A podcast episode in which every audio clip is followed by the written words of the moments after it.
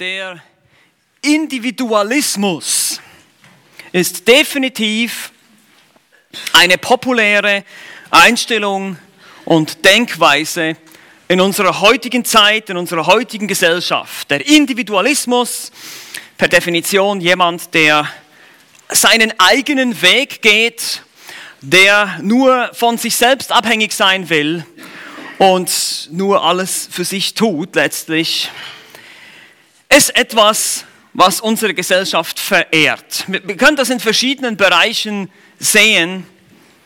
Es sind Leute, die etwas Besonderes sein wollen. Sie wollen sich von der Masse, von der Menge abheben. Sie wollen anders sein, unabhängig sein.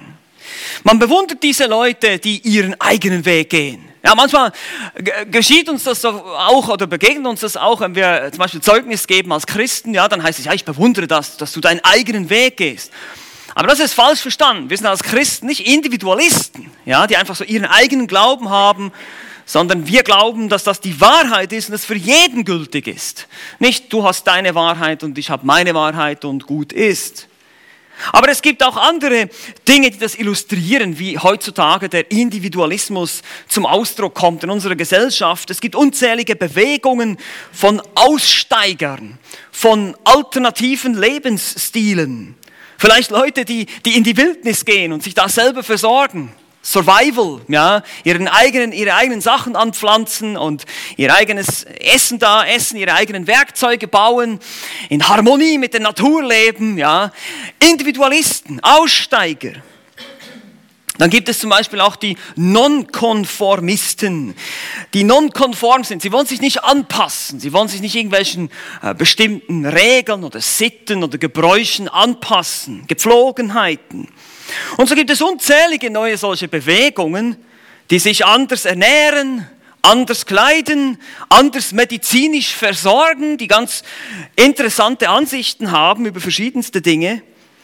Und warum ist dieser Individualismus so attraktiv für den fleischlichen Menschen, für den nicht wiedergeborenen? Warum ist das so, hat das so eine Anziehungskraft? Nun, der natürliche Mensch neigt dazu, eben sein eigenes Ding zu drehen, seinen eigenen Weg zu gehen. Seit 1. Mose 4, Vers 9, wo kein zu seinem, äh, wo kein gesagt hat, bin ich denn meines Bruders Hüter? Ja, sagt es ja zu Gott. Seitdem sehen wir, wie der Mensch seine Verantwortung für den Mitmenschen einfach ablegt und sagt, das geht mich nichts an, das ist nicht mein Problem.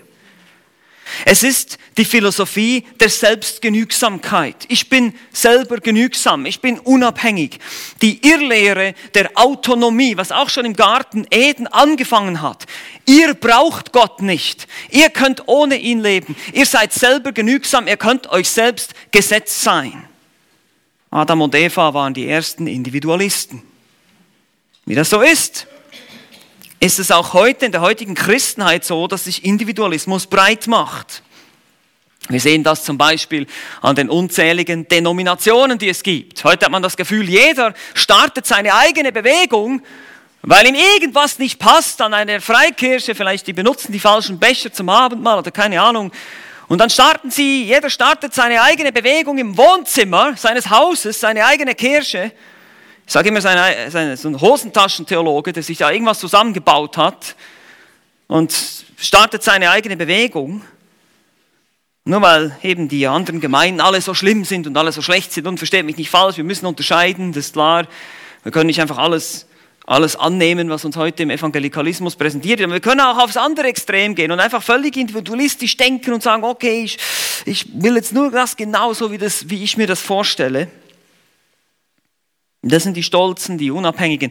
Aber das Interessante ist, der Individualismus kann auch ganz andere Formen annehmen. Ja, kommt in unterschiedlichen Formen und Farben, wie das so ist. Und das ist heute ebenfalls sehr beliebt, diese andere Form. Ich nenne es jetzt mal die Form der Opfermentalität. Ja, ich bin ein ganz schlimmer Fall. Ich bin ein ganz besonderer Fall. Mir kann keiner helfen. Ich bin der Schlimmste. Und nirgends kann mir helfen, ach, vergiss es, hat gar keinen Sinn. Ich passe einfach nirgends rein. Ich bin einfach nicht normkonform. Ich bin einfach ein ganz spezieller Typ und ich habe ganz spezielle Bedürfnisse. Ich bin ein Opfer meiner Umstände. Das ist auch eine Form von Individualismus, letztlich eine Form des Stolzes ebenfalls. Die eine oder andere Weise ziehen sich dann immer mehr Christen aus den Diensten in Gemeinden zurück. Die einen, weil sie denken, ich brauche das nicht. Und die anderen, weil sie denken, mich braucht es nicht. Ich bin unnütz. Aber letztlich dreht dann jeder sein eigenes Ding. Jeder geht dann eben seinen eigenen Weg. Und das ist nicht gut. Beides ist falsch. Und beides muss der Apostel Paulus auch in der Gemeinde in Korinth korrigieren. Es ist spannend. Im Abschnitt, den wir heute betrachten werden, wird Paulus genau diese Dinge aufzeigen. Ihr könnt nicht völlig unabhängig sein, aber ihr könnt auch nicht von euch denken, dass es euch nicht braucht. Wenn es um eure Gaben geht, eure Geistesgaben. Das ist ein Thema im Kapitel 12. Nun, wir erinnern uns, warum war das nötig? Warum musste Paulus über diese Dinge schreiben? Wir erinnern uns, die Gemeinde in Korinth war eben keine Gemeinde, die einheitlich lebte. Sie war voller Parteiungen, voller Neid, voller Geltungsdrang, Selbstdarstellung, wie es in der damaligen griechischen Kultur üblich war. Jeder stellte sich dar, vor allem durch seine Redekunst als Philosophe, durch seine Redekunst und so gab es Parteiungen eine Gemeinde, die einen hingen dem Paulus an, die anderen hingen dem Apollos an, weil sie dachten, der wäre geschliffener Redner. Paulus wurde ja auch kritisiert, das sehen wir dann auch im zweiten Korintherbrief, seine, seine Redekunst wurde kritisiert, es wurde gesagt, er ist schwach und seine Erscheinung ist nicht, eben er war halt nicht so ein Superhero, so ein Superheld, er hat vielleicht nicht so äh, kräftig ausgesehen, was weiß ich. Und das, auf solche Dinge achtete die damalige Kultur und auch unsere heutige Kultur. Sie hatten eigene Vorstellungen von Weisheit, eigene Vorstellungen von Geistlichkeit. Sie dachten, sie wären schon angekommen, wie die Stoiker, die glaubten, das Ziel ist es, unabhängig von allen Umständen zu sein. Und deshalb regierten sie sozusagen in ihren Köpfen, in ihrem eigenen kleinen Millennium bereits und dachten, sie seien jetzt hier die Superchristen. Und Paulus muss sagen, nein, hör auf damit. Und deshalb dulden sie Unmoral und sagen, okay, ich kann mit meinem Körper tun, was immer ich will, das hat keinen Einfluss auf meinen Geist. Deshalb gab es äh, sogar unter diesen korinthischen Christen solche, die immer noch zu den Tempelprostituierten gingen. Es gab schreckliche Unmoral, die auch in der Gemeinde geduldet wurde. In Kapitel 5 haben wir gesehen, der Mann, der nicht unter Gemeindezucht gestellt wurde und so weiter und so weiter. Und dann gab es auch die Einflüsse der populären heidnischen Mysterienkulten, wo es eben darum ging, dass man Erfahrungen machte. Ja, dass man durch irgendwelche Kräfte gesteuert wurde, in Trance, in Hypnose versetzt wurde. Und das galt als die höchste Erfahrung mit einer Gottheit. Und Paulus beginnt im Kapitel 12 diese, diese falschen Ideen zu korrigieren, diese, diese falschen Ansichten über die Geistesgaben, über die Geisteswirkungen. Er sagt hier in Kapitel 12, Vers 1, was aber die Geistlichen also eigentlich steht da nicht Gaben, dass es allgemein Geisteswirkungen betrifft. Darüber muss ich euch belehren. Und er belehrt sie darüber, dass es Fälschungen gibt. Falsche Geistesgaben. Die Korinther duldeten dämonische Einflüsse in ihrer Gemeinde. Ja, Christen können sich auch dämonischen Einflüssen äh, Einflüssen öffnen. Das geht. Natürlich können wir nicht besessen sein von einem Dämon, aber wir können diesen Teufel Raum geben. Und das taten die Korinther, indem sie sich diesen heidnischen Praktiken hingaben und das Christentum sozusagen wie ihre heidnischen Religionen lebten, mit Trancezuständen und Chaos und Durcheinander. Wie wir noch sehen werden, jeder redete wild durcheinander in Sprachen und prophezeite und keiner übersetzte. Und das werden wir noch sehen in Kapitel 14, was für ein Chaos das war. Paulus korrigiert hier und sagen, hört auf, einfach alles unkritisch anzunehmen. Nicht jede Wirkung ist automatisch vom Heiligen Geist. Und dann müsst ihr aber trotzdem verstehen, dass es eine Vielfalt verschiedene Gaben gibt. Nun, die Korinther waren versessen auf der Sprachenrede. Ja, das haben wir schon ein paar Mal gemerkt. Das werden wir noch deutlich sehen im Kapitel 14. Das war für sie die Topgabe sozusagen. Das Top on the list, also auf, der ersten, auf dem ersten Platz. Aber Paulus sagt, nein, die Sprachenreden sind nicht so wichtig, wie ihr denkt. Und es muss auch nicht jeder von euch in Sprachen sprechen können. Und diese Sprachen haben sogar nur eine bestimmte heilsgeschichtliche Funktion erfüllt. Heute gibt es nämlich diese Sprachen nicht mehr. Heute wird nicht mehr in Sprachen gesprochen. Das hat aufgehört. Und Paulus zeigt ihnen die Prioritäten auf dass es größere und kleinere Gaben gibt, aber nicht so im Sinne von dem Individuum, dass es weder gebraucht oder nicht gebraucht wird, sondern dass es Dinge gibt, die sie falsch verstanden haben, die Sprachen zum Beispiel überbetont haben. Und im Kapitel 14 wird er das dann deutlich machen mit der Weissagung und der Sprachenrede, wie er sie miteinander vergleicht. Aber zunächst muss jetzt erstmal deutlich machen, dass die Korinther, obwohl sie so vielfältig begabt sind und nicht jeder dasselbe machen muss, eben kein, was haben wir gesagt, keine Uniformität, sondern Unispiritualität. Also nicht eine Form, sondern ein Geist. Es, ist viele, es sind viele Gaben, aber es ist ein Geist, es ist eine Quelle, aus der das alles kommt. Warum? Weil es ist derselbe Geist, durch den ihr in den Leib hineingetauft wurdet. Es ist der Geist, der euch wiedergeboren hat, der euch die Rettung geschenkt hat. Es ist derselbe Geist, von dem alle diese verschiedenen Gaben kommen. Worte der Erkenntnis, aber auch Hilfeleistungen, aber auch das Sprachenreden, aber auch andere Dinge. Und ihr dürft nicht das eine gegen das andere ausspielen. Jeder von euch ist so begabt, wie Gott es wollte. Und diesen Punkt wird er jetzt nochmal sehr, sehr deutlich machen in unserem Predigtext von heute, in den Versen 14 bis 26. Ja, ihr habt richtig gehört. Wir kommen jetzt mal ein bisschen weiter als nur zwei Verse. 14 bis 26, das ist nämlich ein Argument hier für diese nicht nur Unterschiedlichkeit, diese Vielfalt. Er hat, er hat jetzt von der Vielfalt gesprochen und von der Einheit, wie das zusammenpasst. Und jetzt zeigt er nicht nur die Vielfalt auf, sondern die gegenseitige Abhängigkeit. Sozusagen die Wechselwirkungen zwischen den einzelnen Gaben. Dass Sie das richtig verstehen. Es gibt, es gibt nur einen Geist, es gibt aber eine Vielfalt von Gaben, aber diese Vielfalt von Gaben, die kommen zusammen in eine Einheit, weil sie voneinander abhängig sind. Keiner von uns kann sich leisten, ein Individualist zu sein in der Gemeinde Jesu Christi. Das gibt es nicht. Gibt es nicht. Gemäß Paulus gibt es das nicht. Sondern wir sind alle voneinander abhängig. Und das ist eigentlich sein Punkt, den er hier macht. Lasst uns das mal gemeinsam lesen.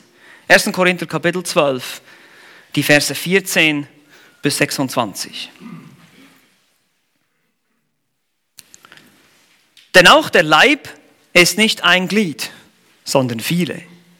Wenn der Fuß spräche, weil ich nicht Hand bin, so bin ich nicht von dem Leib, ist er deswegen nicht von dem Leib? Und wenn das Ohr spräche, weil ich nicht Auge bin, so bin ich nicht von dem Leib, ist er deswegen nicht von dem Leib? Wenn der ganze Leib Auge wäre, wo wäre das Gehör? Wenn ganz Gehör, wo der Geruch? Nun aber hat Gott die Glieder gesetzt, jedes einzelne von ihnen an dem Leib, wie es ihm gefallen hat. Wenn aber alle ein Glied wären, wo wäre der Leib? Vers 20. Nun aber sind der Glieder zwar viele, der Leib aber ist einer. Das Auge aber kann nicht zu der Hand sagen, ich brauche dich nicht. Oder wiederum das Haupt zu den Füßen, ich brauche euch nicht.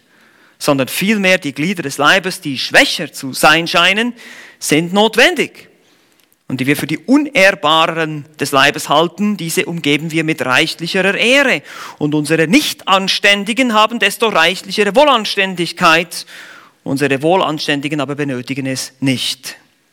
Aber Gott hat den Leib zusammengefügt, indem er dem Mangelhafteren reichliche Ehre gegeben hat, damit keine Spaltung in dem Leib sei, sondern die Glieder dieselbe Sorge füreinander hätten. Und wenn ein Glied leidet, so leiden alle Glieder mit. Oder wenn ein Glied verherrlicht wird, so freuen sich alle Glieder mit. Bis hierher. wie gesagt, in unserem Text finden wir diese verschiedenen Formen des Individualismus, die Paulus jetzt hier widerlegt. Keiner kann sich abheben und sagen, ich brauche die anderen nicht. Keiner kann aber auch sagen, mich braucht es nicht. Und keiner kann auch sagen, das spielt überhaupt gar keine Rolle. Ich interessiere mich einfach gar nicht dafür, ich ziehe mich einfach raus. Und deshalb sehen wir in diesem Text heute drei Lügen, die ein Individualist glaubt, mit denen er sich zugrunde richtet. Drei Lügen, die natürlich jetzt hier widerlegt werden durch den Text. Und das wollen wir uns jetzt anschauen. Das sind drei Lügen, die der Individualist glaubt. Wie gesagt, der Individualist kann von zwei Seiten vom Pferd fallen. Die eine Seite, ich nenne sie mal die Seite des Verlierers, das ist eben derjenige, der sagt, ah, ich, ich habe eine schlechte Gabe oder ich habe gar keine Gabe oder ich weiß gar nicht, was meine Gabe ist und ich werde hier gar nicht benötigt. Und ihr müsst euch vorstellen, in Korinth war das wahrscheinlich so. Da gab es Leute, die haben diese Sprachenrede dermaßen verherrlicht und wenn es Leute, Individuen gab, die diese Sprachenrede nicht konnten, die das nicht hatten, dann kamen die sich total nutzlos vor. Ja, ich habe ja nicht diese coole Gabe hier, die alle die anderen haben und ich habe das nicht, also mich braucht es nicht. Und dann gab es die anderen, die sich dann eben besser fühlten, weil sie diese bestimmten Gaben hatten, über allen anderen und dachten, äh, die brauche ich nicht.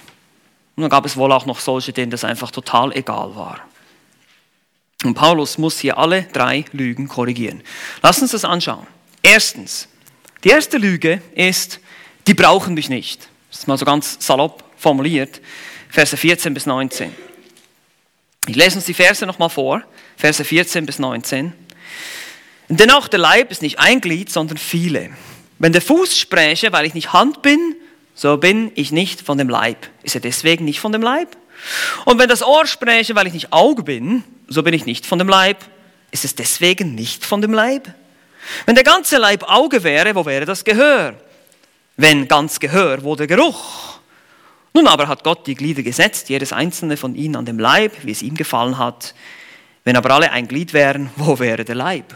Das ist eine ganz, eine ganz simple Logik, die uns eigentlich allen einleuchtet. Jetzt habe ich letztes Mal schon gesagt, Paulus hat dieses Bild des Körpers, des Leibs benutzt. Vielleicht hat er das eben von diesem Eskulap-Kult gesehen oder er hat es von diesem römischen ähm, ähm, Beamten. Äh, es war auf jeden Fall ein Bild, das jedem bekannt war. Ein Körper hat verschiedene Körperteile, die aber in einer Einheit zusammen funktionieren müssen.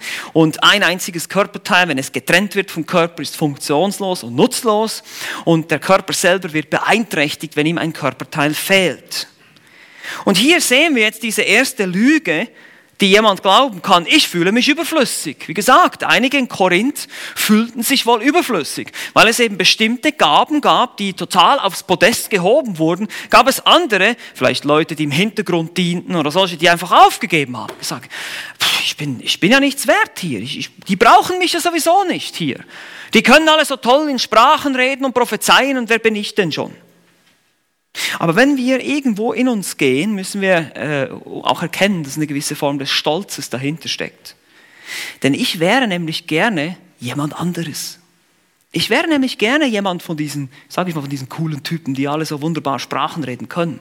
Ja, ich beneide vielleicht gewisse Leute dafür.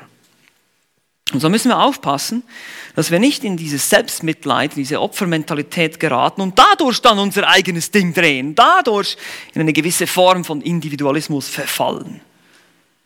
Ich habe ja keine spektakuläre Gabe, also wozu bin ich überhaupt da? Paulus führte, wie gesagt, diese ganz natürliche, diese ganz, dieses Bild ins Feld und zeigt uns auf, wie dumm das eigentlich ist, so zu denken.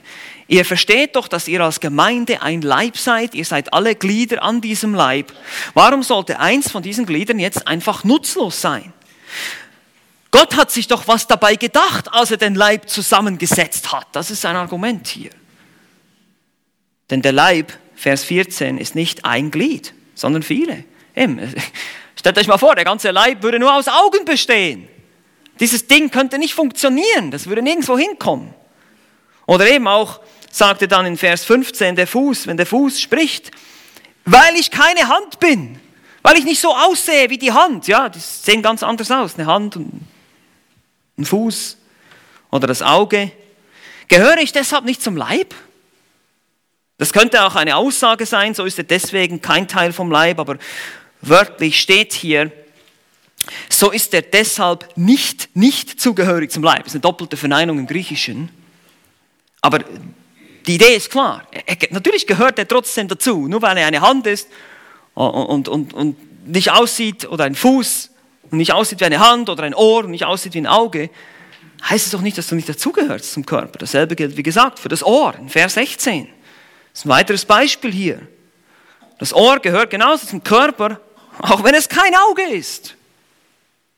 Das Auge mag vielleicht attraktiver aussehen, Betonung auf sehen, und die spektakulärere Funktion haben, augenscheinlich, Betonung auf augenscheinlich, Dinge zu sehen. Aber das bedeutet nicht, dass das Ohr völlig unwichtig ist. Manche Dinge nehmen wir viel mehr mit dem Ohr wahr als mit den Augen. Und Paulus, wie gesagt, führt das ganze Bild ins Extrem in Vers 17, weil er sagt, wenn der, wenn der ganze Leib Auge wäre, dieses, dieses komische Gebilde könnte nicht mal existieren. Stellt euch das mal vor, so ein Unsinn. Auch wenn das Auge den Anschein hat, schöner ist und eben nicht bedeckt werden muss, wie andere Körperteile, heißt es nicht, dass es unnütz ist. Denn es war alles Gottes Plan. Das ist Vers 18. Gott hat die Glieder gesetzt. Man könnte auch übersetzen, platziert, eingefügt ist die Idee. Ein, ein, ein, ein Verb, das von legen und stellen kommt ursprünglich, aber hier benutzt wird, um dieses Platzieren, dieses Einfügen zu beschreiben. Es ist eigentlich die, die, das göttliche Design der souveränen Erwählung hier. Ja, Gott hat das Glied, wenn wir jetzt den geistlichen Leib nehmen, ja, genauso wie der leibliche, Gott fügt den Leib zusammen, hat ihn designt, hat ihn entworfen, das ganze Design. Und genauso auch bei uns im, im, in der Gemeinde. Er hat jeden, jedes Glied da hinzugefügt, nach seinem Entwurf, wie er das wollte, nach seinem Plan. Das ist nichts Planloses. Du bist nicht da, wo du jetzt bist, im Leib Christi mit deinen Gaben, einfach auf planlose, zufällige Art und Weise. Nein, du bist, du bist da, weil Gott dich genau da haben wollte und genau diese Gaben dir geben wollte. Das ist der Grund und deshalb kannst du nicht sagen, mich braucht es nicht. Natürlich braucht es dich. Jeden braucht es. Gott ist nicht planlos. Er platzierte sie so, wie es ihm gefallen hat, heißt es hier. Meine Lieben, Unzufriedenheit wenn du unzufrieden bist mit deinen Gaben, und ich nehme jetzt hier mal die natürlichen und die geistlichen Gaben, das ist nicht so entscheidend jetzt, oft ist es eine Kombination von dem, was wir alle einbringen. Wenn du nicht zufrieden bist mit dem, was du bist, dann klagst du letztlich Gott an, kritisierst Gottes Plan. Gott, du hast einen Fehler gemacht, du hast mich hier falsch eingesetzt in den Leib. Das ist verkehrt. Lasst uns aufhören, uns zu beschweren unzufrieden und undankbar zu sein für so, wie Gott uns gemacht hat und auch als Christen jetzt hier in den Leib eingefügt hat. Es ist eine Illusion, es gibt keinen Christen ohne Dienst. Es gibt keinen Christen ohne Dienst. Gibt es nicht. Aber oft, wenn in Gemeinden viele Mitglieder sind, jetzt müsst ihr gut zuhören, die nicht aktiv mitdienen, dann fällt man zurück auf Organisation. Das ist ganz interessant, kann man feststellen. Man, man fängt an, Dinge zu organisieren, zu produzieren. Wir müssen uns da auch hüten, müssen da auch selbstkritisch sein. Man muss organisieren, ist nicht schlechtes, sonst haben wir Chaos. Aber wir dürfen nicht versuchen, durch Organisation die Gaben zu ersetzen. Wir müssen Menschen einsetzen, wir müssen sie befähigen, wir müssen sie dienen lassen. Das ist ganz wichtig in der Gemeinde. Wir dürfen uns auch nicht zurückziehen. Das ist jetzt für diejenigen, die sich als Verlierer vorkommen, denken, ich werde hier nicht gebraucht. Na, guck dich um, such dir einen Dienst, such dir eine Möglichkeit, was du tun kannst. Man kann immer etwas tun. Und nicht einfach alle anderen die Dinge übernehmen lassen und denken, ja, die Pastoren, die schmeißen ja hier den Laden, die machen ja alles. Auf keinen Fall. Es gibt Dinge, die könnt ihr hundertmal besser als ich. Glaubt mir. Hundertmal. Ja, und, und das, es, es braucht uns alle. Ja, ich kann reden und Musik machen, sage ich immer. Das sind zwei Dinge, die ich machen kann. Aber da gibt es viele andere Dinge. Meine Frau kann euch davon Liedchen singen, da habe ich zwei linke Hände. Ja? Es ist einfach so, wir sind alle unterschiedlich begabt. Deshalb, also lasst mich euch bloß nicht ein Essen kochen. Ja? Das ist eine Katastrophe. Ja? Das, das geht gar nicht. Gut. Ähm. Vers 19 heißt es, wie gesagt, wo wäre da der Leib? Wenn, wenn alle gleich sind, wo wäre da der Leib? Wir verstehen das Prinzip. Keiner ist überflüssig, es braucht alle. Auch diejenigen, die vielleicht dazu neigen, eher auf der depressiven Seite zu sein und zu sagen, ja, ich kann ja hier nicht viel beitragen. Es gibt Dienste, zum Beispiel wie das Gebet. Es gibt, es gibt treue Beter, ja, die vielleicht viele von uns einfach in den Schatten stellen. Und das merkt keiner, sieht keiner. Ja? Und genauso gibt es in einem Körper, kommen wir noch gleich dazu, gibt es im Körper auch unscheinbarere Organe, die im ersten Moment, man sieht sie gar nicht, aber sie sind äußerst wichtig. Aber lass mich hier erstmal ein paar Anwendungen bringen jetzt für denjenigen, der denkt, mich braucht es nicht. Nun, das Erste, was du tun musst, unbedingt. Erstens, vergleiche nicht. Ja? Vergleiche nicht. Ich glaube, das ist das Schlimmste, was wir machen können, und das ist typisch für unsere Kultur, gerade in unserer ähm, medienübersättigten Kultur ist das typisch. Jeder postet sein Bild auf Facebook und Instagram und wie die alle heißen und zeigt, wie cool er ist, wie schön er aussieht und was für Bizeps er hat und was weiß ich nicht alles. Und wir vergleichen. Ich sehe nicht so aus wie der, ich sehe nicht so aus wie der, oh, ich bin nichts wert. Und genauso kann es in der christlichen Gemeinde auch gehen. Du denkst vielleicht, oh, der, der kann das so toll machen, der ist so begabt und ich, was bin ich? Ja, und letztlich müssen wir uns ja immer wieder vergegenwärtigen, und Paulus macht das ja ganz am Anfang, im 1. Korinther Kapitel 1 sagt er, wir sind alle was? Nullen. Wir sind alle gar nichts. Du hast sogar recht, wenn du denkst, du bist nichts. Du bist nichts, tatsächlich. Weil alles, was du hast, kommt nur von Gott. Und deshalb Vergleich, das macht gar keinen Sinn zu vergleichen, weil aber alles, was alle anderen haben, dreimal darfst du raten, woher sie es haben, auch von Gott. Und deshalb müssen wir überhaupt nicht vergleichen, sondern können einfach dankbar sein, müssen nicht depressiv werden und denken, ich brauche das hier nicht, sondern wir können aufstehen und sagen, Herr, ich bin dankbar für das, was du mir gegeben hast und ich kann dienen. Und wenn du nicht weißt, wo deine Geistesgabe ist, dann fang an zu dienen. Mach irgendwas, beweg dich. Ist wie so ein Sattelschlepper, ja. Den kann man nicht bewegen, solange er still steht. Aber sobald er anfängt, sich zu bewegen, dann kannst du nur das Steuerrad drehen, dann bewegt er sich in die entsprechende Richtung. Und genauso ist es bei uns auch. Also vergleiche nicht. Zweitens, ganz wichtig, beklage dich nicht. Beklage dich nicht über deine Gabe, vielleicht weil du nicht im Rampenlicht stehst, weil du nicht hier vorne stehst. Das ist jetzt nichts Falsches. Ein Prediger muss hier vorne stehen. Ich könnte ja auch da hinten stehen, aber äh, da müsst ihr alle eure Köpfe drehen, ja. Also, aber beklage dich nicht über deine Gabe, sondern sei dankbar dafür. Auch wenn du eben jemand bist, der im Hintergrund dient. Glaub mir, die, die Leute im Hintergrund, die sind so wichtig, ohne die würde nichts laufen. Das ist so entscheidend. Und letztlich müssen wir uns ja auch immer vergegenwärtigen, von wem wirst du deinen Lohn empfangen? Für wen machst du das überhaupt? Machst du das wirklich für deinen Herrn? Oder machst du es doch letztlich, weil du irgendwie Applaus haben willst dafür oder Leute, die dich dann anerkennen? Und da müssen wir immer wieder in uns gehen und uns prüfen.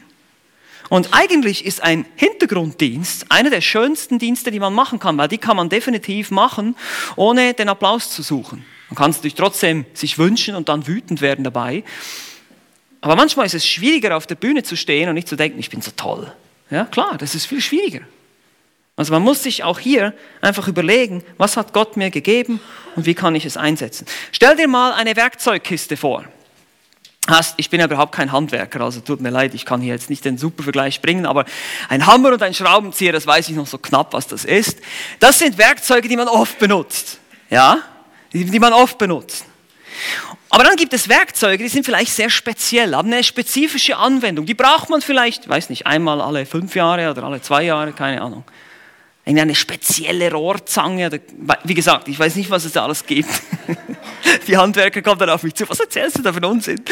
Aber ihr wisst, was ich meine. Ein spezifisches, spezielles Werkzeug, das man nur für ganz spezielle Dinge. Aber wenn es das mal braucht, kann man diesen Schritt, diese, diese Handbewegung und diesen Griff, kann man nicht mit irgendeinem anderen Werkzeug machen. Nur mit diesem spezifischen.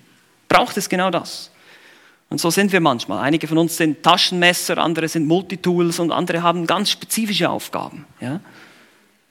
Und deshalb drittens, beneide nicht. Habe ich jetzt schon ein bisschen angesprochen, einig, aber also vergleiche nicht, beklage dich nicht und beneide nicht. Beneide nicht. Beneide die anderen nicht, eben weil sie vielleicht im Rampenlicht stehen, sondern lerne zufrieden zu sein mit der Gabe, die Gott dir gegeben hat. Denn wisse, eben Vers 18, Gott hat dich genau da platziert, wo du sein sollst. Es ist genau geplant von einem liebenden, gnädigen, Vater, der dich liebt, er hat dich genau da hingesetzt an den Platz, wo du bist. Und er möchte, dass du da deine Gabe einbringst in die Gemeinde. Wie gesagt, der Individualismus greift um sich, auch in der Gemeinde in Korinth. Und ich glaube, die Form, die sich eher jetzt hier breit macht in Korinth, war jetzt nicht die, die wir jetzt betrachtet haben, eben die des, sag mal, des Verlierers, derjenige, der denkt, ich werde nicht gebraucht, sondern das ist jetzt die zweite Lüge, die zweite Lüge, die ein Individualist glaubt und ist sicherlich auch schlimm. Ich brauche die nicht. Ja, jetzt gesehen, die brauchen mich nicht. Das ist die erste Lüge. Und die zweite ist, ich brauche die nicht. Ja, ich habe so eine tolle Gabe. Ich bin so ein toller Hecht, würde Dieter jetzt wieder sagen. Ja, ich bin so ein toller Hecht. Ich brauche keinen. Verse 20 bis 24. Seht euch das an. Ich lese es nochmal vor. Nun aber sind der Glieder zwar viele, der Leib aber ist einer. Immer wieder dieses Prinzip, viele Glieder, ein Leib, muss er immer wieder betonen. Das Auge aber kann nicht zur Hand sagen, ich brauche dich nicht. Oder wiederum das Haupt zu den Füßen, ich brauche euch nicht sondern vielmehr die Glieder des Leibes, die schwächer zu sein scheinen, sind notwendig. Und die wir für die Unehrbareren des Leibes halten, diese umgeben wir mit reichlicher Ehre. Und unsere Nichtanständigen haben desto reichlichere Wohlanständigkeit. Unsere Wohlanständigen aber benötigen es nicht. Aber Gott hat den Leib zusammengefügt, indem er dem Mangelhafteren reichliche Ehre gegeben hat, bis hierher. Nun eben, wie gesagt, das ist diese Idee, ich brauche keine Hilfe, ich brauche keinen, der mir hilft, ich brauche nichts. Das ist die Einstellung des selbstgenügsamen Individualisten. Er braucht keine Hilfe, niemanden, der ihn belehrt, niemanden, der ihm hilft. Und das seht ihr hier in Vers 20 und folgende. Wie gesagt, Paulus betont nochmal das Prinzip, viele Glieder, ein Leib. Das ist das Prinzip hier, es ist Vielfalt. Und deshalb, weil diese Vielfalt ist, weil es diese Vielfalt von Gliedern gibt, die alle zusammenarbeiten sollten wie einem richtigen Leib, gibt es keinen, der sagen kann, mich braucht es nicht. Und genauso gibt es keinen, der sagen kann, ich brauche die nicht. Er, bring, er beginnt jetzt hier mit der Kehrseite der Medaille, Paulus. Nicht diejenigen, die sich minderwertig fühlen, sondern diejenigen, die stolz sind und selbstgenügsam. Der Schlüssel hier in diesem Abschnitt, Verse 20 bis 24, ist definitiv die Aussage, ich brauche euch nicht, ich brauche dich nicht. Griechisch chreia, Notwendigkeit. Die Notwendigkeit deiner habe ich nicht, wörtlich gesagt. Ich, ich benötige dich einfach nicht. Du bist nutzlos für mich. Es wird betont im griechischen Satzbau hier, das Bedürfnis. Bedürfnis deiner habe ich nicht. Ja, das ist so die Idee hier. Und das ist der zweite Irrtum, den Paulus hier korrigieren muss. Offenbar einige individualistisch denkenden Korinther hier verfallen sind. Und Paulus nimmt hier in Vers 21 das Auge wieder als Beispiel. Das Auge kann nicht zur Hand sagen. Ein komplexes, äußerst begabtes und auffällig schönes Körperteil, das eben keine Bedeckung bedarf, so wie gewisse andere Körperteile, kann trotzdem nicht sich besser fühlen als die Hand und sagen, ich brauche dich nicht. Dasselbe gilt auch für das Haupt, den Kopf, der zu den Füßen sagt, ich brauche euch nicht. Das Haupt auch eher ein edleres Körperteil, das eben nicht Bedeckung braucht. Und die Füße, die wir ja in die Schuhe verstecken, könnte man sagen. Aber was wäre das Auge ohne die Hand? Oder der Kopf ohne die Füße? Die, die Hand füttert den Körper, von dem sich dann wiederum das Auge nährt. Oder das Haupt benötigt die Füße und die Füße müssen das Haupt dahin transportieren, wo das Haupt hin will. Übrigens, das Wort Haupt wird hier nicht im Sinne von Christus verwendet, wie in anderen paulinischen Schriften, sondern hier ist es wirklich Teil der Illustration. Es ist einfach der Kopf. Es ist nicht äh, Jesus Christus hier dem Kontext, sondern einfach ein Haupt. Das ist offensichtlich aus dem Zusammenhang. Hier sind einfach Beispiele.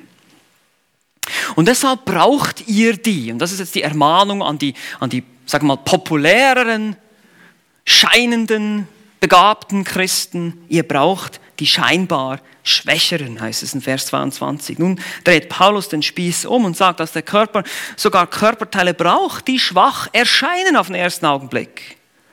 Nun, im Zusammenhang mit Vers 21, wo er eben Füße und Hand bereits als weniger wichtig ansieht in der Hierarchie, können wir sogar sagen, dass es hier vielleicht um noch unwichtigere, in Anführungsstrichen, Körperteile geht. Ein kleiner Finger, ein Zeh oder sogar die inneren Organe. Habe ich vorhin schon gesagt, stellt euch mal vor, die inneren Organe sieht man gar nicht. Du kannst ohne Hand leben, aber versuch mal ohne Herz zu leben. Ja? Oder ohne Lunge. Das geht gar nicht. Also es ist interessant, wie, wie dieser Vergleich hier ähm, voranschreitet. Ein weiteres Beispiel sind dann die Unehrbaren in Vers 23. Atimos, Unehrenhafteren. Sind wohl die Körperteile, die eben weniger attraktiv sind. Vielleicht Hüfte, Schultern, Arme, Beine, die wir auch bedecken mit Kleidung, die man nicht so offensichtlich sieht. Aber stellt euch mal vor, ihr habt keine Hüften, keine Beine, ihr habt nur Füße und einen Kopf. Ja, ich meine, aber das ist genau die Illustration, die Paulus hier benutzt. Und dann sogar die Aschemon, die Nicht-Anständigen, uh, unanständig, das hat mit Scham zu tun. Ja, das sind die Teile, die man in der Öffentlichkeit eben gar nicht zeigt. Aus Anstandsgründen bedeckt. Aber auch hier, diese Körperteile sind äußerst wichtig. Stellt euch mal vor, ihr könnt nicht mehr aufs Klo. Ja, ihr lacht jetzt, ja, aber das ist gefährlich für den Körper. Ja, das, das, kann, das kann uns sehr schnell töten, sowas. Also wenn die Körperteile ihre Funktion nicht mehr wahrnehmen, dann, dann geht es uns schlecht. Und so sind die Schwächeren und die Unscheinbaren oder sogar die Nicht-Anständigen sind genauso wichtig und wir bekleiden sie und bedecken sie und geben ihnen sozusagen Ehre, sagt Paulus hier. Warum? In Vers 24 heißt es, weil die Wohlanständigen, die benötigen es nicht. Diejenigen, die bereits die Aufmerksamkeit haben, die brauchen das nicht. Man kann es auch den göttlichen Ausgleich nennen hier. Also Gott hat den Körper so zusammengesetzt, dass es zwar scheinbar wichtigere Körperteile gibt oder prominentere, die einem schneller ins Auge äh, fallen, um wieder das Auge zu benutzen. Aber dann gibt es die scheinbar schwächeren, die aber genauso viel und genauso wichtig sind und der Körper nicht funktionieren würde ohne sie. Genauso ist es auch im christlichen, in der christlichen Gemeinde. Es bekommen alle Ehre, auch diejenigen, die im Hintergrund arbeiten. Und ihr, die ihr prominent seid, sagt Paulus, ihr, die ihr denkt, ihr seid die Superbegabten, ihr benötigt diese Geschwister, die euch helfen und euch ergänzen. Gott hat den Leib so zusammengefügt. Hier benutzt ein anderes Wort als die Glieder gesetzt.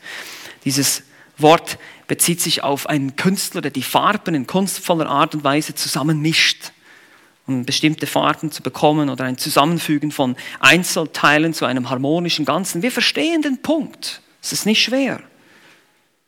Und diese, diese, dieses Zusammenfügen, das geht nach Plan, so dass Gott selbst den Mangelhafteren reichlichere Ehre gibt. Keiner kommt zu kurz, jeder hat seinen Platz, jeder hat seine Funktion. Das ist die Idee.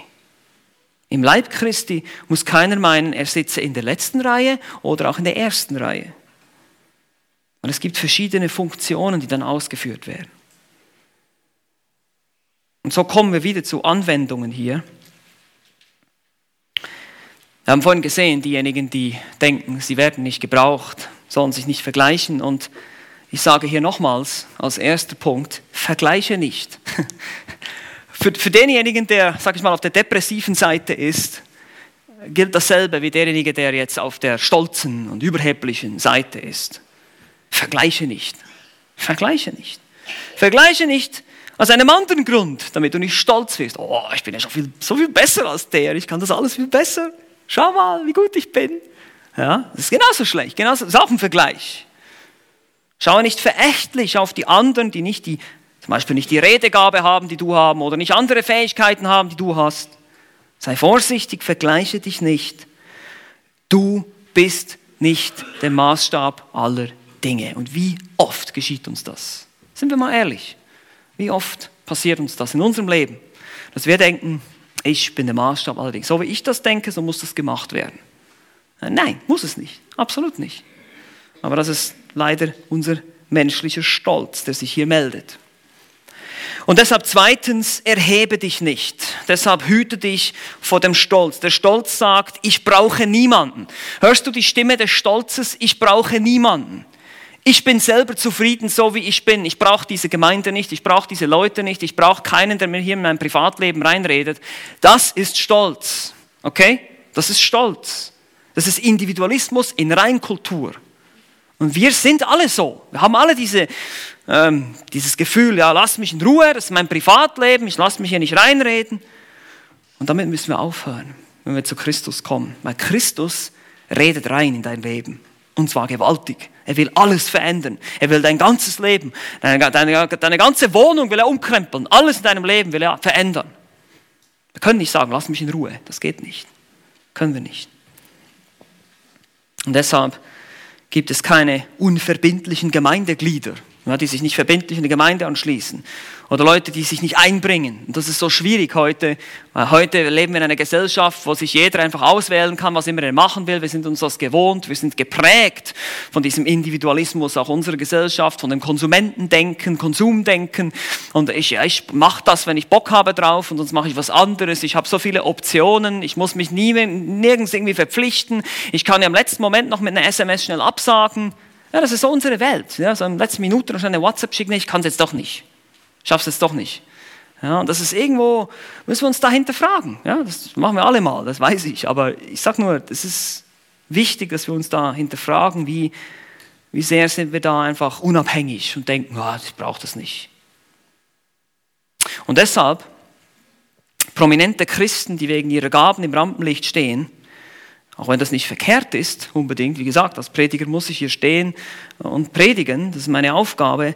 Es ist wichtig, dass wir uns nicht mit anderen vergleichen. Es gibt auch andere prominente Aufgaben, die man haben kann in der Gemeinde, wo man gesehen wird.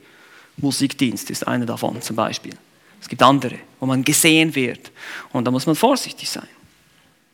Und deshalb drittens, drittens, schätze die anderen. Ja? Schätze die anderen, schätze die scheinbar Schwächeren. Das ist was, was Paulus hier deutlich macht. Die scheinbar Unanständigen unter uns, ja? die im Hintergrund sind, die man vielleicht nie groß wahrnimmt, die aber genauso den Heiligen Geist haben wie du, die genauso geliebt sind von unserem Herrn wie du, die genau denselben Herrn und Heiland haben wie du, wenn sie wirklich dazugehören zum Leib natürlich. Ich nehme das Beispiel, es braucht viele Helfer, um einen Saal so herzurichten, wie er hier ist. Damit der Prediger überhaupt seine Predigt halten kann. Braucht es viele Leute, die hier helfen. Nun, hier sind es die Geschwister der ECG, die uns unter die Arme greifen. Die machen das hier wunderbar. Ja? Vielleicht müssen wir das bald mal selber machen. Das ist auch okay. Man braucht das Dienst, Hilfe und jeder muss anpacken. Das haben wir auch gesehen der, äh, bei, der, bei der Einsetzung von Daniel, wie schnell das ging. Tische stellen, Tische abräumen, zack, zack, zack. Jeder hat angepackt. Sonst wäre das gar nicht möglich gewesen, wenn einfach jeder gesagt hätte, nee, mache ich nicht. Ja? Und so, lass uns nicht, lass uns die anderen schätzen. Und das führt dann wiederum zur Einheit, die Paulus letztlich will hier. Das ist sein, seine Absicht hier in Vers 25, wo er sagt, damit keine Spaltung in dem Leib sei. Und hier finden wir noch so im Sinne von einer Ableitung eine dritte Form, die es vielleicht auch noch gibt, von jemandem, der eben seinen eigenen Weg geht und so sein eigenes Ding dreht. Wir haben die drei Lügen. Das sind zwei, die wir bereits gesehen haben. Die eine ist, die brauche ich nicht. Die zweite ist, ich brauche die nicht. Und die dritte ist, die interessiert es sowieso nicht. Ja? Weil da will Paulus sie dann wieder zusammenbringen in diese Harmonie, in diese Einheit dass sich jeder für den anderen eben interessiert. Und deshalb kann es sein, dass manche von uns einfach in die Gleichgültigkeit verfallen und denken, naja, nicht vielleicht unbedingt, ich brauche das nicht, aber mir ist es einfach egal. Und das heißt hier in Vers 25 bis 26, damit keine Spaltung in dem Leib sei, das ist die Absicht, sondern die Glieder dieselbe Sorge füreinander hätten. Und wenn ein Glied leidet, so leiden alle Glieder mit. Oder wenn ein Glied verherrlicht wird, so freuen sich alle Glieder mit. Hier ist es dieses Anteilhaben, was hier betont wird. Deshalb ist es falsch zu glauben, die interessiert es sowieso nicht. Ja, das ist eine Lüge. Weil wir sollen Anteil haben. Wir haben Anteil aneinander, wenn wir wirklich Christen sind. Das ist der gleichgültige Typ hier, der nicht unbedingt Minderwertigkeitskomplexe hat oder irgendwie sich besser vorkommt, aber einfach so ein bisschen dahin plätschert und denkt, oh, pff, ist egal, pff, keine Ahnung, so in die Richtung. Kann schnell passieren. Er hat vielleicht resigniert und denkt, es hat keinen Sinn. Mich ruft ja doch keiner an. Es interessiert sich ja doch keiner für mich. Und ich nehme mich einfach raus, ziehe mich zurück. Das ist keine Lösung. Ja, das ist nie eine Lösung. Rückzug ist nie eine Lösung. Sondern wir müssen uns, wenn es Konflikte gibt, wenn es Probleme gibt, müssen uns den Problemen stellen. Damit wir eben diese Einheit leben können. Wie gesagt, das Ziel hier ist keine Spaltung. Vers 25, das Generalproblem in Korinth. Es gab sehr viele Spaltungen aus ganz unterschiedlichen Gründen. Und der eine Grund hier war definitiv die verschiedenen Geistesgaben. Und dass einige Gaben eben mehr auf dem Podest standen als andere. Und deshalb gab es auch hier Spaltungen und Streitereien. Paulus sprach dieses Thema schon ganz am Anfang an, in Kapitel 1, Vers 10, wo es um die verschiedenen Parteiungen geht in der Gemeinde. Und hier ist es jetzt im Zusammenhang mit unterschiedlichen Begabungen. Das ist eigentlich der Grund für den ganzen Brief, diese Gemeinde zurück in diese Einheit zu führen. Diese Einheit, die ist eine Einheit, in der man besorgt ist umeinander. Merimnau, besorgt sein, sich kümmern heißt es hier. Seht ihr das? Ihr sollt alle dieselbe Sorge füreinander haben. Das ist das Ziel. Wir sollen uns umeinander kümmern. Und damit natürlich mit unterschiedlichen Gaben das tun. Jeder äh, bringt seinen Teil, trägt seinen Teil dazu bei. Jeder hat aber dieselbe Sorge für den anderen. Es gibt kein Ansehen der Person, keine wichtigeren oder unwichtigeren Individuen, keine Stars, ja, sondern einfach Brüder und Schwestern. Keiner schaut nur auf sich selbst oder auf seinen eigenen Vorteil, keiner dient nur sich selbst, keiner erbaut nur sich selbst. Das ist genau das, was in Korinth lief. Und diese Innigkeit und diese Harmonie und dieses Umeinander kümmern kommt dann in Vers 26 nochmal zum Ausdruck, indem er sagt, wenn ein Glied leidet, so leiden alle Glieder mit. Wenn ein Glied verherrlicht wird, so freuen sich alle Glieder mit. Das ist eine Selbstverständlichkeit. Leid, geteiltes Leid, sagt man so schön. Ne? Wir tragen alle einander die Lasten. Wenn ein Glied der Gemeinde leidet, stehen andere nicht gleichgültig daneben. Man kümmert sich um die Person. Auf der anderen Seite, wenn ein Gemeindeglied einen Erfolg verzeichnet, dann freuen wir uns mit. Das ist manchmal genauso schwer, ja, wenn wir ehrlich sind. Es ist ein Erfolg für den gesamten Leib. Es ist ein Gewinn. Für die gesamte Gemeinde ist es ein Gewinn, wenn ein Glied einen Erfolg verzeichnet. So sind wir alle abhängig voneinander. Was sind die Anwendungen für uns? Worüber können wir hier nachdenken? Nun, erstens, kümmere dich. Ganz einfach. Kümmere dich. Wenn du das nicht sowieso schon tust. Wenn du verstanden hast, um was es im christlichen Leben geht, wenn ich verstanden habe, um was es im christlichen Leben geht, es geht darum, Gott zu lieben und den Nächsten. Dann kann mir unmöglich der Nächste einfach egal sein, in der Gemeinde vor allem auch noch, die Brüder und Schwestern. Wir müssen uns kümmern um die, die sich vielleicht selten melden, denen hinterhergehen, die nicht so oft hier sind oder nicht so oft im Hauskreis sind oder was auch immer. Wir sollen nicht immer warten, der kann mich ja anrufen. Ja, klar können wir das sagen, jeder hat eine Eigenverantwortung, aber auf die andere Seite haben wir auch eine Aufgabe, einander zu lieben. Und das ist ganz wichtig. Kümmere dich. Und wenn du vielleicht nicht viel machen kannst, kannst du beten. Ja, das ist auch. Das ist nicht viel, ja, das ist sehr viel. Ja, wir, wir sehen das oft so, ja, ich kann nur noch beten. Das ist eigentlich falsch. Ja, wir müssen sagen, ich kann beten. Das ist das Wichtigste, was wir als erstes machen sollten. Dann bete. Wenn du nicht weißt, vielleicht die Situation und hast im Moment nicht so viel Kontakt, aber man kann immer beten.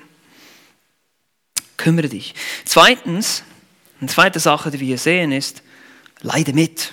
Es wird hier als Selbstverständlichkeit dargestellt, wenn, wenn, wenn ich mir den kleinen Finger breche ja, oder verstauche, dann heißt es eigentlich normalerweise heißt es dann, Pascal hat Schmerzen. Nicht sein kleiner Finger hat Schmerzen sondern der ganze Pascal, die ganze Person hat Schmerzen. Weil das ist ein Teil meines Leibes. Der ganze Leib leidet mit, ja, wenn ich mir den kleinen Finger verstauche. Und so ist es auch im christlichen Leib. Wenn ein Glied leidet, dann leiden andere mit. Es, es zieht uns in Mitleidenschaft. Wir können nicht einfach so dastehen. Wir sind nicht, hoffentlich nicht, ohne Mitgefühl, sondern merken das und leiden mit. Wir weinen mit den Weinenden, heißt es im Römerbrief. Oder wir beten oder wir schreiben vielleicht oder rufen an oder machen irgendwas, um die Person zu trösten. Sagen wir, sagen wir ihr, dass wir für sie beten, dass wir hinter ihr stehen im Gebet. Und drittens, wir haben gesehen, kümmere dich, leide mit. Und drittens, was wir auch machen sollten, ist, freue dich mit. Wie schon gesagt, freue dich mit ist manchmal das Schwierigste, wenn wir ehrlich sind. Weil wir werden sehr schnell neidisch. Ja? Wenn jemand einen Erfolg verzeichnet, wenn jemand in der Gemeinde gelobt wird oder beliebt ist. Ah, ich will auch so beliebt sein wie der oder die. Warum kann der oder die das so toll? Wir sollen nicht neidisch sein. Eben, wie der Fuß, der nicht sagt, ich bin halt keine Hand, ich kann das nicht. Sondern und dann den Kopf in den Sand steckt wie eine beleidigte Leberwurst, sondern nein, wir sollen uns freuen. Und wenn wir uns mitfreuen, dürfen wir es dieser Person auch zeigen und sagen, verbalisieren, hey, ich freue mich für dich. Das ist toll. Ich freue mich für deinen Erfolg, was immer es war. Jetzt hat er schon wieder einen evangelisiert. Wow, toll, hat er schon wieder ein super Gespräch gehabt mit jemandem. Wow, das freut mich. Ich wünschte, ich hätte so viele Gespräche. Kannst du mir das mal beibringen? Vielleicht gibt es etwas, was ich ja noch lernen kann von dieser Person. Und so hat Gott der Gemeinde eben verschiedene Gaben gegeben zur Zurüstung der Gemeinde. Dazu kommen wir dann noch. Die Apostel, die Propheten, die Hirtenlehrer so können wir von anderen Leuten, die besonders begabt sind, auch lernen, anstatt einfach neidisch zu werden. Weil wenn Neid und Bitterkeit uns erfüllt, dann haben wir genau die Parteiungen, die es in Korinth gab. Und das wollen wir nicht. Wir wollen gemeinsam vorankommen. Spaltungen in der Gemeinde kommen immer vom Neid, Geltungsdrang und Selbstsucht. Letztlich ist das die Wurzel. Und das soll nicht so sein. Wir müssen verstehen, und Paulus legt es hier den Korinthern ans Herz und legt es auch uns heute ans Herz. Die Gemeinde ist wie ein Organismus. Ein, ein, jeder Körperteil wird benötigt. Keiner ist nutzlos, keiner ist zu wenig, keiner ist zu viel, keiner ist überflüssig. Jeder kann etwas beitragen. Das ist eine große Ermutigung. Und selbst wenn du nicht so aussiehst, eben wenn der Fuß oder die Hand, die nicht aussehen wie ein Auge oder andere Körperteile, es gibt keinen Platz in der Gemeinde für den Individualismus. Es gibt nur noch nicht einzelne Individuen, an denen alles hängt, die den ganzen Laden schmeißen sozusagen. Nein, gibt es nicht. Wir alle sind Diener in der Gemeinde, jeder einzelne von uns. Dich braucht es und du musst dabei sein und deine Gaben einbringen. Das ist wichtig. Und Gott hat alle Glieder mit einem bestimmten Plan in den Leib eingefügt oder eingesetzt, haben wir gesehen. Es ist Gottes souveräne Wahl gewesen, dass du an dem Ort bist, wo du gerade bist. Du darfst ermutigt sein und getröstet sein darüber. Du musst nicht irgendwas sein, was du nicht bist. Du musst nichts produzieren, sondern du bist so begabt, wie du begabt bist. Und der Herr hat dir das gegeben, was du brauchst, um das zu tun. Keiner muss sich in dem Sinne benachteiligt fühlen. Im Gegenteil, oft sind die weniger wichtig erscheinenden Leute gerade die, die sehr, sehr wichtig ist. Erinnert euch an das Beispiel des Körpers, der ohne Herz oder ohne Lunge nicht überleben kann, keine Minute. Die inneren Organe einer Gemeinde sind oft die Leute, auf die keiner achtet, die stillen Beter im Hintergrund, die beständig im Gebet wachen.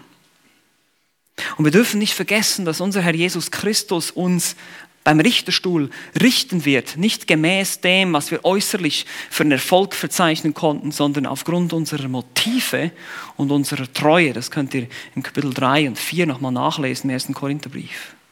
Und so werden wir uns vielleicht wundern, wenn wir dann vor dem Richterstuhl stehen, sage ich immer, welche Leute das dann plötzlich ganz vorne stehen und welche vielleicht etwas weiter hinten stehen werden, vielleicht nicht den ersten Preis kriegen bei der Auszeichnung. Weil es wird um unsere Motive und um unsere Treue gehen. Nicht äußerlich, was wir alles getan haben in erster Linie oder erreicht oder welche Zahlen wir verzeichnen konnten. Und da müssen wir uns Gedanken machen drüber und deshalb demütig sein, einander dienen mit jeder, mit der Gabe, die er empfangen hat. Amen.